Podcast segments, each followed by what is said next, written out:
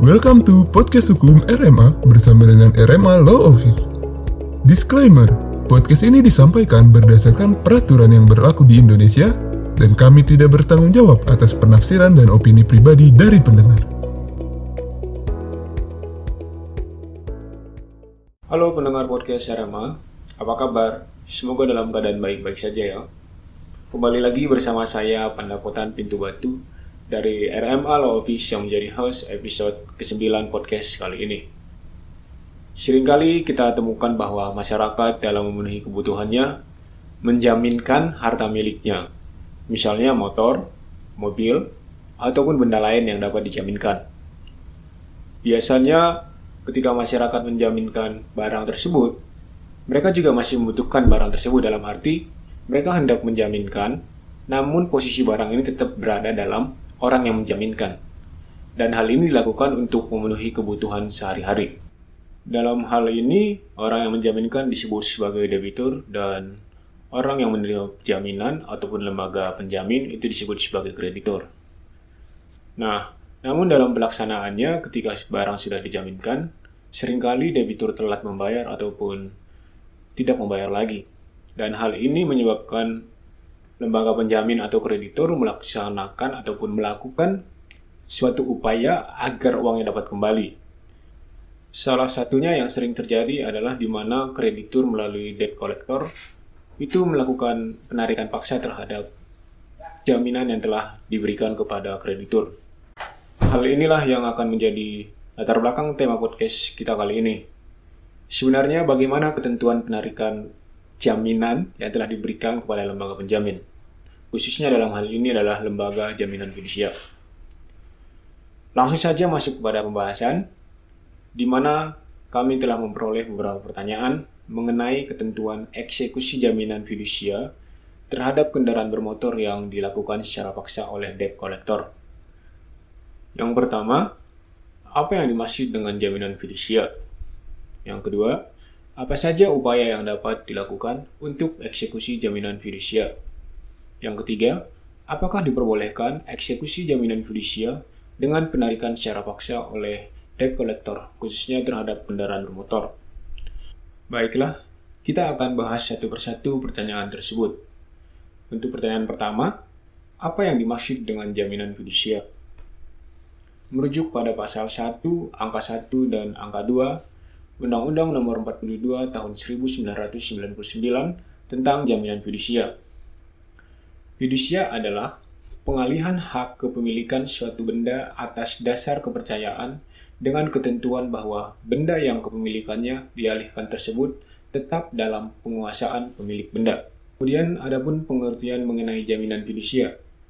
Jaminan fidusia adalah hak jaminan atas benda bergerak baik yang berwujud maupun yang tidak berwujud, dan benda tidak bergerak, khususnya bangunan yang tidak dapat dibebani hak tanggungan, sebagaimana dimaksud dalam Undang-Undang Nomor 4 Tahun 1996 tentang hak tanggungan yang tetap berada dalam penguasaan pemberi fidusia, sebagai agunan bagi pelunasan utang tertentu yang memberikan kedudukan yang diutamakan kepada penerima fidusia terhadap kreditor lainnya.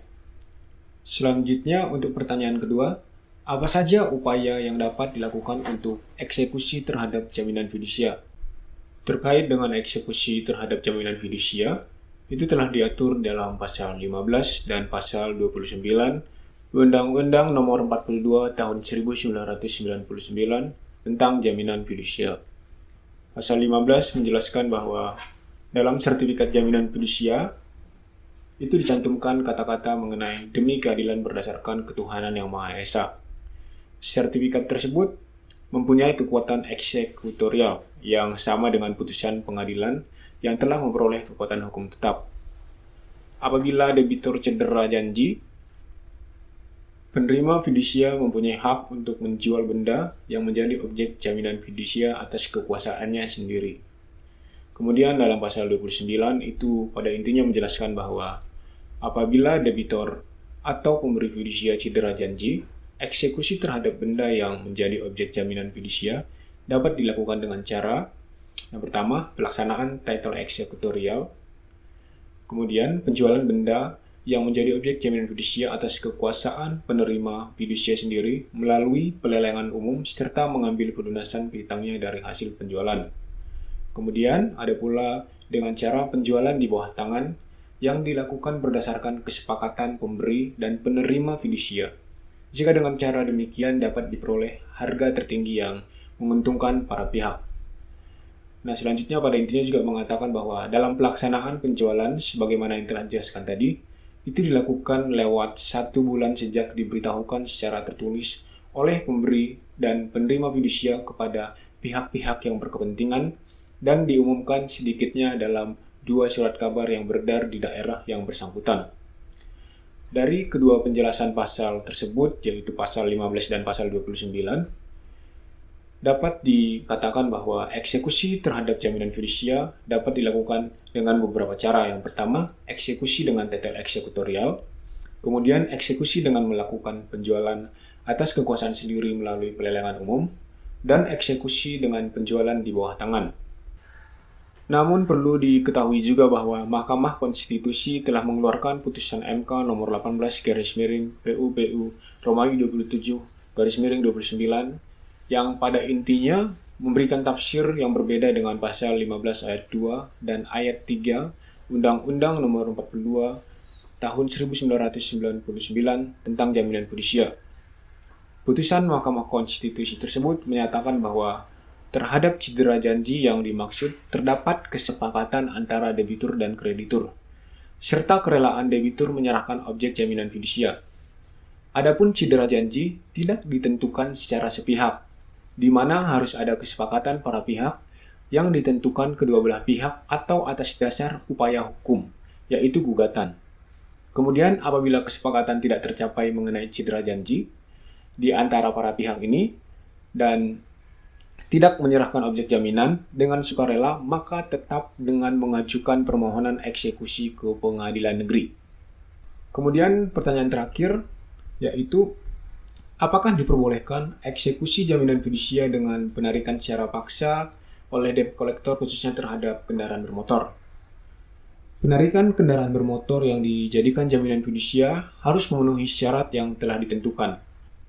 Sebagaimana yang diatur dalam pasal 3 Peraturan Menteri Keuangan nomor 130 tahun 2012 tentang pendaftaran jaminan fidusia bagi perusahaan pembiayaan yang melakukan pembiayaan konsumen untuk kendaraan bermotor dengan pembebanan jaminan fidusia, yang dengan tegas mengatakan bahwa penarikan benda jaminan fidusia berupa kendaraan bermotor oleh perusahaan pembiayaan wajib memenuhi ketentuan dan persyaratan sebagaimana diatur dalam undang-undang mengenai jaminan fidusia dan telah disepakati oleh para pihak dalam perjanjian pembiayaan konsumen kendaraan bermotor. Dalam pasal tersebut, jelas juga menyatakan bahwa penarikan harus dengan syarat yaitu sertifikat jaminan fidusia. Dalam hal ini dapat diartikan sebagai eksekusi titel eksekutorial. Apabila tetap dilakukan penarikan oleh perusahaan pembiayaan, maka dapat dikenakan sanksi sebagai berikut. Yang pertama, peringatan. Kedua, pembukuan kegiatan usaha. Dan yang ketiga, atau pencabutan izin usaha serta dapat dikenakan pasal 1365 Kitab Undang-Undang Hukum Perdata tentang perbuatan melawan hukum atau tindak pidana pemaksaan dan ancaman perampasan sebagaimana yang diatur dalam pasal 365 Kitab Undang-Undang Hukum Pidana.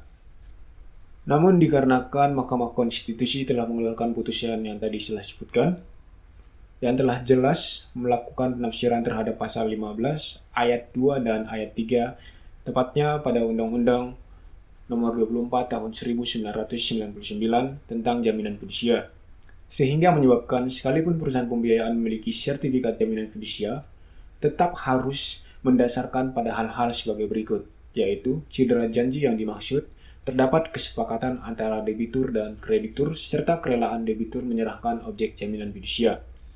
Kemudian cedera janji tidak ditentukan secara sepihak di mana harus ada kesepakatan para pihak yang ditentukan kedua belah pihak atau atas dasar upaya hukum yaitu gugatan. Kemudian yang terakhir yaitu apabila kesepakatan tidak tercapai mengenai cedera janji antara para pihak dan di mana debitur tidak menyerahkan objek jaminan dengan sukarela, maka tetap dengan mengajukan permohonan eksekusi ke pengadilan negeri. Mengingat saat ini di dunia sedang terkena dampak wabah COVID-19, termasuk juga Indonesia. Dalam hal ini pemerintah memberikan keringanan atau kelonggaran atau restrukturisasi terhadap cicilan kendaraan bermotor.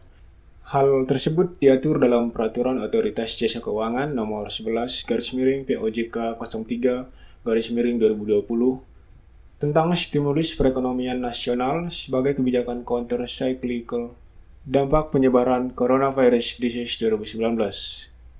Selain itu, terdapat juga pernyataan secara tegas dari Presiden kita Bapak Joko Widodo yang menyatakan bahwa penarikan kendaraan bermotor dilarang selama masa COVID-19 ini. Sehingga dapat juga dikatakan bahwa dalam kondisi saat ini tidak memungkinkan terjadi penarikan jaminan fidusia berupa kendaraan bermotor. Jadi dapat disimpulkan bahwa eksekusi terhadap jaminan fidusia itu dapat dilakukan dengan cara eksekusi dengan titel eksekutorial, eksekusi dengan melakukan penjualan atas kekuasaan sendiri melalui pelelangan umum, dan eksekusi dengan penjualan di bawah tangan. Kemudian Mahkamah Konstitusi juga telah mengeluarkan putusan mengenai adanya penafsiran terhadap eksekusi dalam jaminan fidusia.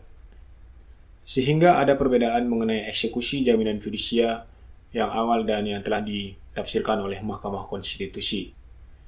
Selanjutnya bahwa penarikan secara paksa oleh debt collector terhadap kendaraan bermotor itu harus memenuhi syarat-syarat yang telah ditetapkan. Mengingat saat ini bahwa Indonesia mengalami ataupun sedang terkena wabah COVID-19, maka itu telah dilarang oleh pemerintah. Dalam hal ini, debt collector tidak dapat menarik secara paksa kendaraan bermotor. Demikian pembahasan podcast yang dapat kami sampaikan pada kesempatan kali ini. Sehingga apa yang disampaikan dapat berguna bagi pendengar sekalian. Terima kasih. Demikian podcast hukum RMA kali ini. Jika ada pertanyaan, silahkan kirim email di office at prastoworma.com atau hubungi 021 8065 7840. Sampai jumpa di podcast hukum RMA selanjutnya.